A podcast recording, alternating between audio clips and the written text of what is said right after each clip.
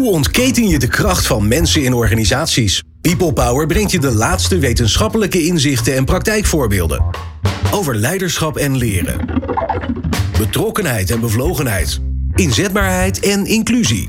Omdat mensen het verschil maken in jouw organisatie. People Power met Glenn van der Burg. Organisaties werken hard aan hun wendbaarheid, organiseren agile en scrummen erop los. Past, past de traditionele performance cyclus dan eigenlijk nog wel? Bij IT-bedrijf CGK gaat het helemaal anders. HR staat bij hen ten dienste van die wendbare organisatie. Hoe ziet dat agile HR-beleid er dan eigenlijk uit? Zijn er nog wel functioneringsgesprekken en wat doe je bij sollicitatiegesprekken? Deze aflevering van People Power maken we samen met het Top Employers Instituut. En te gast zijn Aniek Stalmans, zij is CHRO bij CGK. En Steven van Raamdonk, Raamdonk hij is Regional Manager Benelux en Nordics bij Top Employers Instituut. Fijn dat je luistert naar People Power. People Power met Glenn van den Burg. Steven en Aniek, wat fijn dat jullie uh, er zijn. Uh, Steven in de studio, Aniek uh, in haar studio in Hasselt. hier een stukje vandaan, maar toch, toch dichtbij.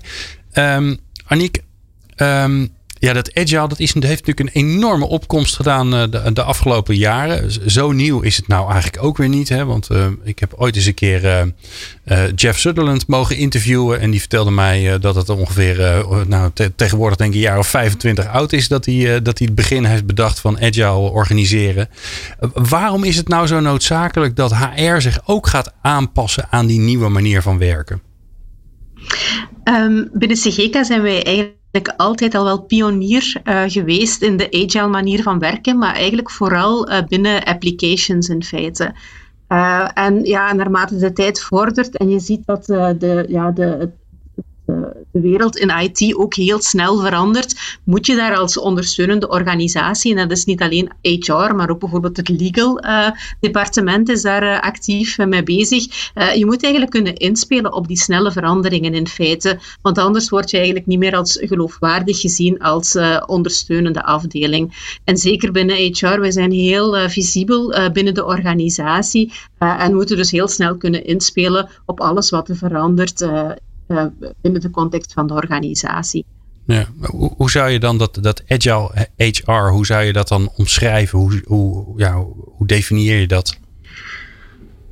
Oh, wij proberen eigenlijk zo kort mogelijk bij die business te zijn en wel enkele ankerpunten te hebben. Dus binnen ons HR-beleid hebben wij wel uh, processen uh, waar we ons eigenlijk aan uh, confirmeren, maar die staan niet in steen gebeiteld, zal ik zeggen. Wanneer de situatie verandert en de noodzaak zich opdringt op anders te gaan werken, dan zullen wij dat doen en gaan wij des, desnoods ook de processen aanpassen. We proberen die, die processen ook zo, uh, zo uh, holistisch mogelijk uh, op te zetten, zodat die ook vrij ingevuld worden in functie van de behoeften van een bepaalde business.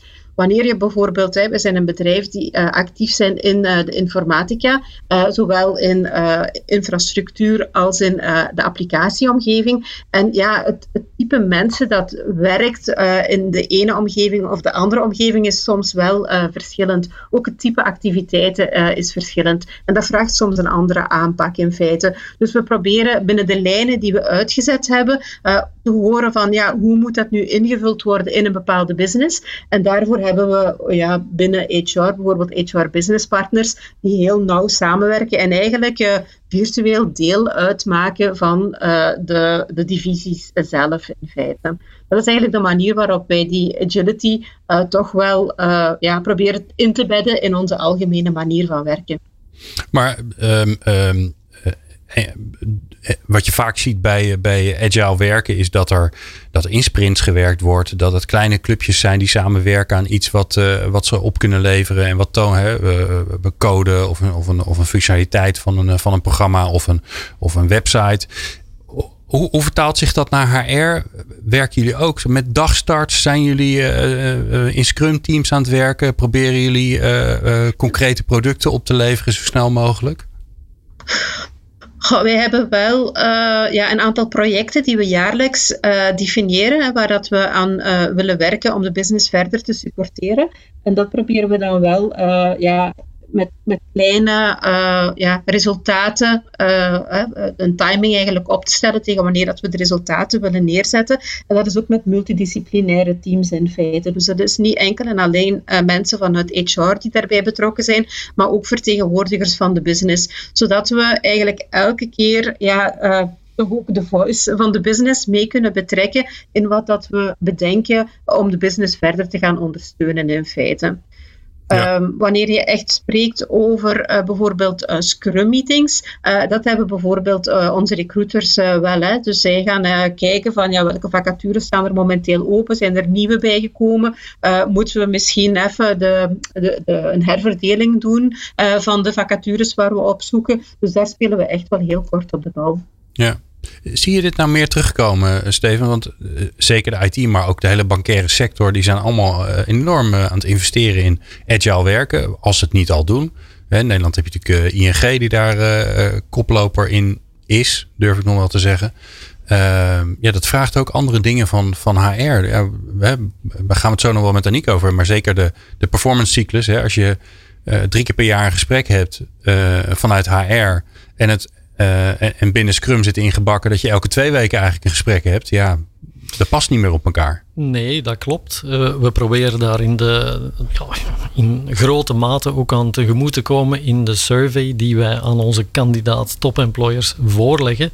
Um, als, als je mij vraagt, staat er in je survey, werk je agile binnen HR? Dan zeg ik nee. Maar als je uh, gaat kijken naar alles wat er gevraagd wordt dat indirect of direct met, met flexibiliteit en met wendbaarheid te maken heeft, dan zeg ik ja, het is enorm. De hele survey steekt er eigenlijk vol van. Dus wij verwachten wel, omdat het gewoon het nieuwe normaal is, flexibiliteit, wendbaarheid wordt nu eenmaal verwacht. Hè. Annick gaf het er straks ook al aan, uh, van, van een nieuwe organisatie. Men verwacht het gewoon, dus logischerwijze. Ons onderzoek volgt de trends in HR. Je sprak over uh, performance management. Ja, uh, nieuw is continuous feedback. Uh, dat zit uh, sinds enkele jaren nu in onze survey. En je merkt effectief dat meer en meer bedrijven daar beginnen uh, op over te stappen met de nodige moeilijkheden, dat, dat, moeten we er ook wel bij vertellen, hè, want daar komen dan direct zaken bij kijken, zoals ja, hoe doen we het dan met bonussen of met verloning, et cetera, et cetera. Dus het is allemaal niet zo simpel, maar de weg is duidelijk ingeslagen. Ik denk in eerste instantie gewoon uit noodzaak door de veranderde, veranderende businessomgeving. En ja, geleidelijk begint het ook meer en meer in het, in het DNA van bedrijven te zitten. Ja.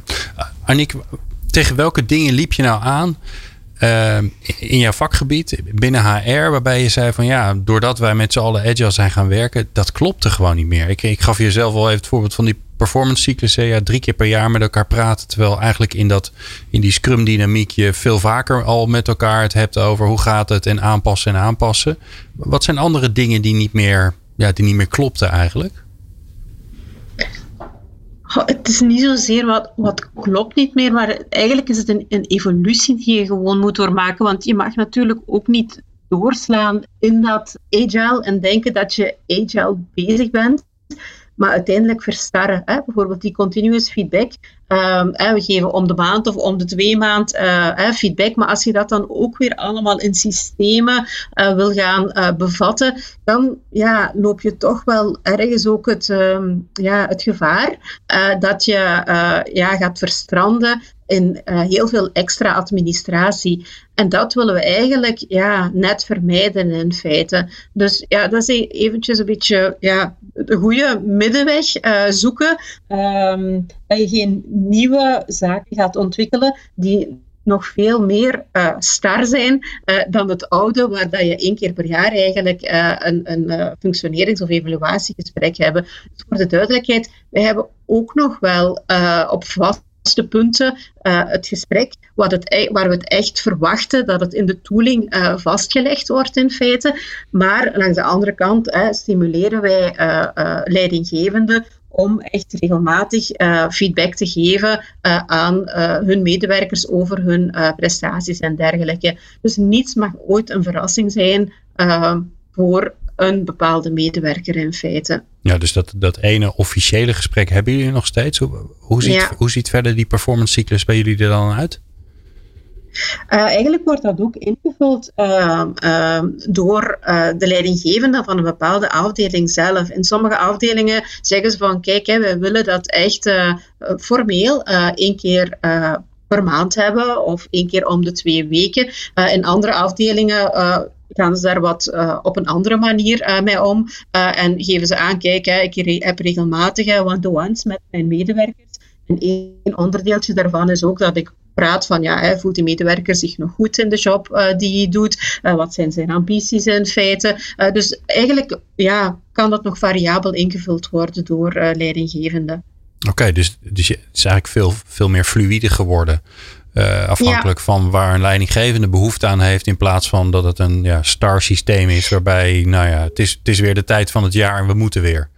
Inderdaad. En ja, eigenlijk, um, wij merken dat ook wel vanuit HR. En dat is ook wat uh, onze rol. Als wij echt zien uh, dat, dat, er bijvoorbeeld tot ontslag overgegaan wordt en de medewerker valt echt ja, uit lucht. Dat kan gewoon niet. Dan weten we dat er ergens iets aan de hand is en dat we ja, die leidinggevende ook verder moeten gaan begeleiden. Hoe geef je eigenlijk uh, continuous feedback aan je medewerkers? Uh, en ja, wat ook wel een van, van de belangrijke zaken is, is dat mensen ook een stukje de technieken uh, zich eigen maken om die continuous feedback te geven. Je moet ook wel altijd op elk moment iets hebben om zinvol over te praten in feite. Het mag niet een, een, een verplicht nummertje worden, bij wijze van spreken. En daar proberen wij ook wel echt vanuit leadership ja, opleidingen en trainingen te geven, eh, waarin medewerkers getraind worden in deze skills. En het voordeel van dat op een continue manier uh, te doen, is natuurlijk dat medewerkers er ook altijd beter in worden.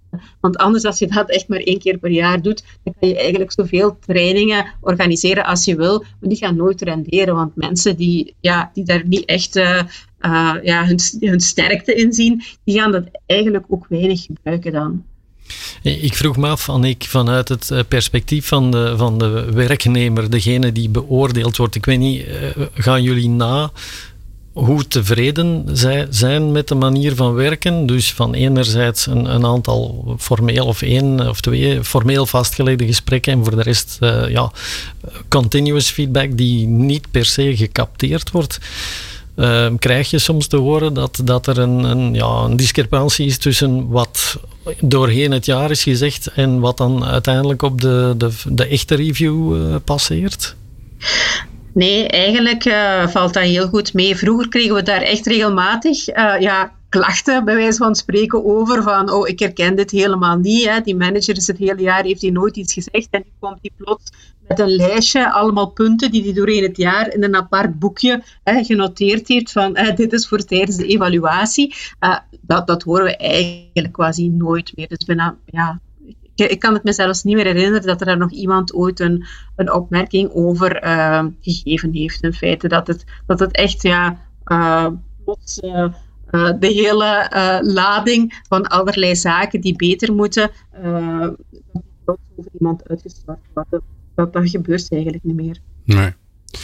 Um, Annieke, zei je al, um, ja, het, het, valt allemaal wel mee. Je moet niet, uh, je moet niet alles gelijk, uh, niet alle schepen verbranden, niet alle HR-instrumenten die je hebt wegdoen. Maar er mhm. zijn toch een aantal dingen die, uh, ja, die we ooit bedacht hebben en die nu, naar mijn idee, zouden moeten gaan wringen. Zoals functiebeschrijvingen, functiewaardering. Ja, als, ja. als, je, als je elke twee, drie weken een andere rol speelt in een, andere team, een ander team, ja, hoe, hoe ga je daar dan mee om?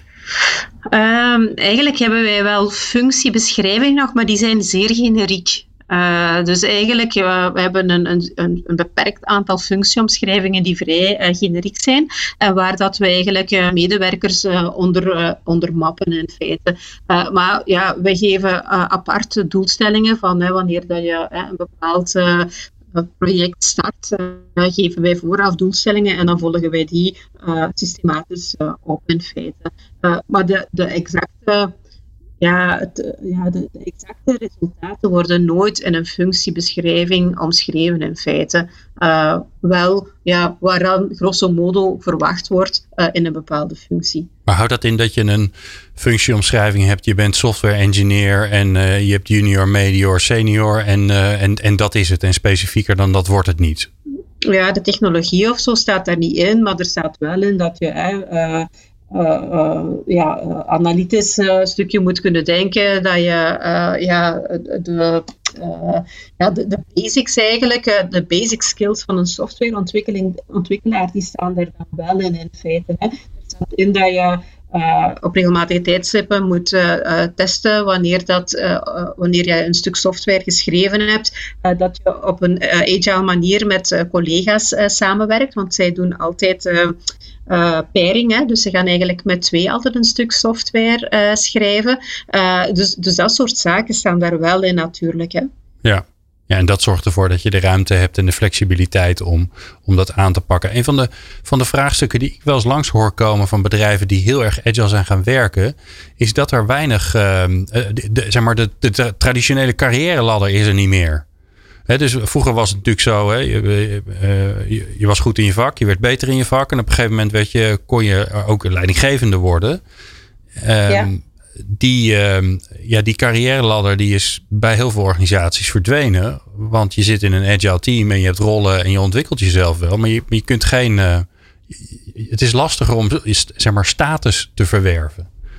Hoe, hoe pakken jullie dat aan? Zie, zie jij dat ook? Is, ja, wat is status dan eigenlijk? Hè? Op zich willen mensen op een gegeven moment, want je hebt altijd wel mensen die meer junior zijn, mensen die meer aankunnen op een bepaald moment in hun carrière dan andere mensen. Die er, hè, er moet ervaring opgebouwd worden en dergelijke. Dus ja, je moet er toch nog wel ergens een onderscheid uh, gaan maken, gewoon voor het gevoel van, van fairness in feite. Dus wij hebben sowieso nog wel ons, uh, ons, ons functiehuis. Uh, daarin zitten ook acht loonbanden en wij hebben eigenlijk toch wel uh, per type functie, hè, wanneer je bijvoorbeeld in uh, development zit, ja, wat is dan een logisch groeipad uh, wanneer je start vanuit een, een development rol in feite. En dat kan dan gaan tot applicatiearchitect en dat soort rollen. Maar wij zien daar ook zijsprongetjes in. Bijvoorbeeld, je kan ook een zijsprong maken naar projectmanager of projectleader en dergelijke. Het is geen vastgebeiteld pad, maar wij geven wel zo wat ideeën wat zijn nu logische groeipaden naar de ene of de andere rol. En wij stimuleren wel uh, via uh, eh, CEO eh, van je carrière, is eigenlijk een, een, thema waar we rond gewerkt hebben, dat mensen eigenlijk zelf eventjes gaan denken van ja, waar wil ik nu de nadruk op leggen in een bepaalde job die ik uitoefen. en welke functie sluit daar dan generiek gezien het meeste bij aan in feite. Ja, wat, wat, wat ik er hier aan kan toevoegen eh, vanuit het standpunt van top employers, dat is wat wij ook wel zien, is de voorbije jaren het, het belang van, van horizontale carrièrepaden, maar ook van, van uh, zaken zoals job rotation en dergelijke. Die worden echt wel meer en meer ingeschakeld. En we zitten hier nu in een ICT-context met Segica, maar ook bij andere bedrijven zie je dat daar toch meer en meer aandacht voor is. Gewoon omdat men het beschouwt als een, een, een verrijking en, en uh, het, het uh, ja, bijwerken van bepaalde competenties door voortdurend andere zaken binnen de organisatie te gaan doen. Het is niet dat je minder waardig bent omdat je niet enkel omhoog gaat. Het kan ook een, een, een ja, misschien status is dan niet het juiste woord, maar het kan je zeker versterken als medewerker om ook eens een stap opzij te zetten. Dus stap opzij in de zin van uh, horizontaal een andere job te gaan doen, bedoel ik dan. Dus in die zin sluit de, de tendens in het top-employersonderzoek daar toch ook wel in zekere mate bij aan. Ja, uh, Aniek, ik wil... Ja, oh, sorry. Wij, ja. ja. sorry. We hebben bijvoorbeeld ook uh, rolmodellen. Hè? Dus je hebt uh, je loonbanden, hè, waar dat we proberen toch maar conform op basis daarvan te verlonen in feite. maar het is niet omdat je in een lagere loonband zit, dat je minder verloond wordt dan iemand die in de loonband daarboven zit in feite. Uh, dus we hebben ook uh, uh, horizontale groeipaden waar je financieel in kan groeien in feite. En op die manier willen we toch een beetje ja, mensen ja, verlonen om ook expert te worden in een bepaalde rol. Ja.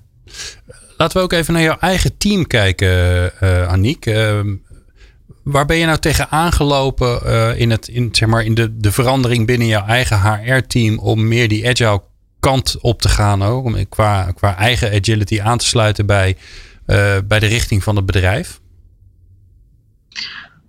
Ik denk dat het gewoon even is van uh, even goed je, je, team op de kaart te zetten. En ja, ook ehm, continu de filosofie proberen uit te dragen van probeer af en toe ook eens in de grijze zones te kijken en uit jouw domein te stappen in feite. contacteer, we hebben verschillende disciplines binnen HR. we hebben mensen die voor payroll werken, we hebben businesspartners, we hebben recruiters. Um, dus elk met hun eigen uh, focus. Maar wat ik wel belangrijk vind, is dat niemand van HR zich verschuilt achter een andere rol binnen HR. Want iedereen heeft daar een verantwoordelijkheid te nemen. Wanneer een uh, eh, HR-businesspartner uh, eh, klaagt over een recruitment dat misschien niet goed loopt in een afdeling, ja, dan is wel de, de vraag die terugkomt, ja, wat ga jij eraan doen? Wat ga jij meehelpen daaraan doen? Jij moet ook feedback geven aan uh, jouw collega's uh, binnen recruitment in feite. En dat is ook wel iets wat dat we um, uh, ja, ingeburgerd hebben in het team, is dat feedback niet van je leidinggevende alleen moet komen. leidinggevende moet ook tussen, feedback moet ook tussen collega's kunnen in feite.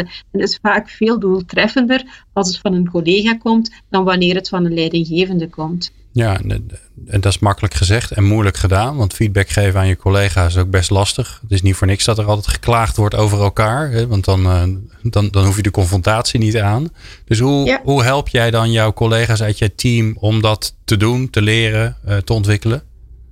Als het terecht is, dan kan je dat altijd objectiveren. En dan denk ik dat wanneer je ja, denkt een zeker maturiteitsniveau te hebben, wat de, wat de meeste mensen ook hebben in onze organisatie. Uh, dat zij uh, best wel, als je hun wat coacht, en ja, hoe kan je dat nu aanpakken, hoe kan je dat nu bespreekbaar maken, uh, dat iedereen dat gesprek wel aangaat met zijn collega's in feite. Als het dan echt te moeilijk wordt, is het voor mij prima, maar dan wil ik wel met drie partijen rond tafel zitten. Dus dan wil ik er zelf wel bij zitten, bijvoorbeeld als leidinggevende, maar niet als postbode. Want daar, daar werk ik niet, dat, dat werkt niet. Dus, uh, dus wel ofwel met drie, ofwel de twee, hè, waar, die iets tegen elkaar te zeggen hebben in feite. Uh, uh, maar niet iemand apart die eigenlijk de boodschappen moet gaan overbrengen. Ja. Wat is nou het resultaat waar je het meest trots op bent als je, als je kijkt wat de afgelopen tijd gebeurd is, omdat je wendbaarder, agile bent gaan werken? Ha, ehm, ik vind de samenwerking binnen het HR-team echt ja, geweldig. Gewoon iedereen steunt elkaar. Uh, uh, mensen proberen ook altijd vanuit het standpunt van iemand anders uh, de problematiek te bekijken. en ook met de business. dus het is niet zozeer van. Ah, hier stopt mijn verantwoordelijkheid en hier begint jouw verantwoordelijkheid. het is echt ja, met z'n allen naar een bepaalde problematiek of een bepaald doel uh, gaan kijken uh, en proberen samen tot een oplossing te komen. Zonder uh, ja, in vakjes te denken van ah, ik kan niet verder omdat persoon X of persoon, persoon Y iets niet opgeleverd heeft. Ja. Dus die samenwerking die wordt echt wel hechter en mensen leren elkaar beter begrijpen. Oké. Um, ik wil eigenlijk um, onze, onze HR-collega's die luisteren gaan helpen. Want die zitten een beetje met, uh, denk ik, dat veel met het, met het vraagstuk zitten van ja, er wordt steeds wendbaarder gewerkt. Er wordt heel veel wendbaarheid gewenst en geëist. Uh, het staat in de, in de strategie of misschien wel in de, in, de, in, de, in de missie van de organisatie. Dat je een wendbare organisatie wil zijn die, die flexibel in kan spelen op, uh, op de wens van de klanten en de gebeurtenissen in de wereld. Nou, dan heb ik voor mij zo'n beetje alle missies van bijna alle bedrijven samengevat. Met daarbij natuurlijk nog een specifiek doel. Um, wat zou je ze adviseren te doen, Aniek? Uh, wat is een goede eerste stap om te zetten om, uh, om zelf als HR-team uh, meer agile te worden? Um, ja, dat is dat, dat groeit van ook een beetje. Um, volgens mij moet de cultuur in het bedrijf het wel toelaten. Um, je kan als HR alleen kan je dat verschil niet niet maken in feite. Eigenlijk moet je gaan kijken van ja, wie zijn wij als bedrijf uh, en krijgen wij ook uh, toegang om op een andere manier te gaan werken in feite. Dus ik denk dat je die zaken eerst toch wel eventjes op, uh, op groepsdirectieniveau moet bespreken van kijk hè, en ja, noem het HR, noem het of hoe je het ook noemt in feite, want het zijn vaak ook uh, buzzwords uh, geworden, waar dat sommige mensen ook wat uh, argwanend naartoe kijken. Maar ja, eigenlijk is vooral belangrijk van hoe kan ik dat invullen in mijn organisatie en hoe kan mijn organisatie daar voordeel behalen in feite door op een meer agile manier te gaan werken. Maar dat hebben we ehm, geregeld, Aniek. Het is andersom. De organisatie is enorm agile aan het werken, maar die zegt tegen HR, jongens, help ons ook op een agile manier. En vervolgens ben je HR-manager. Nou ja, ja, eigenlijk, eigenlijk, eh, eh, staan, staan collega's in jouw schoenen, maar dan, een, maar dan nog een paar jaar terug.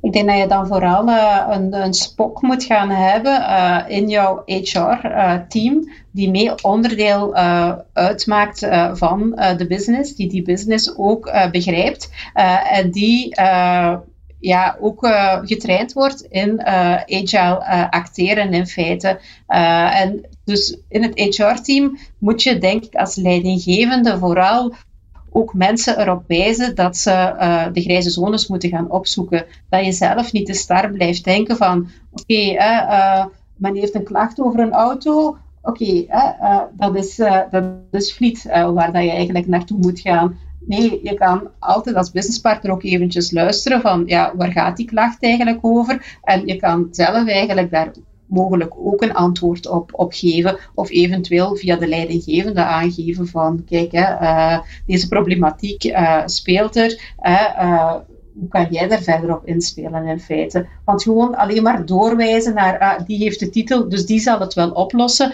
daar verliezen we gewoon heel veel tijd mee. En creëren we veel frustraties. Ja, Mooi. Steven? Ja, ik, ik denk uh, ja, voor HR is een, een heel belangrijke rol weggelegd. Uh, gezien uh, het belang van flexibiliteit en wendbaarheid in de komende periode. Um, met name de rol van HR in, in change management. Het is niet voor niks dat we dat topic precies vrij recent in onze survey hebben toegevoegd. En ik merk dat ook wel als ik, als ik spreek met ik zal maar zeggen, prospect top employers voor de toekomst, dat als het over change management gaat, dat men daar echt vaak het van in Keulen hoort onderen, bij wijze van spreken. Dus er zijn wel degelijk bepaalde methodologieën om om te gaan met HR. HR kan daar een zeer belangrijke rol in spelen. Leadership beter aansturen, zelf zijn rol opnemen, echt sturend zijn of ondersteunend, al naar gelang. Dus ik denk met name naar die change management processen voor de toekomst, dat daar HR zeker nog meer op kan focussen. Mooi. Mhm, mhm. Ik dank jullie zeer. Aniek Stalmans van CGK en Steven van Raamdonk van Top Employers Instituut. En jij natuurlijk ongelooflijk bedankt voor het luisteren naar People Power. People Power. Over de kracht van mensen in organisaties.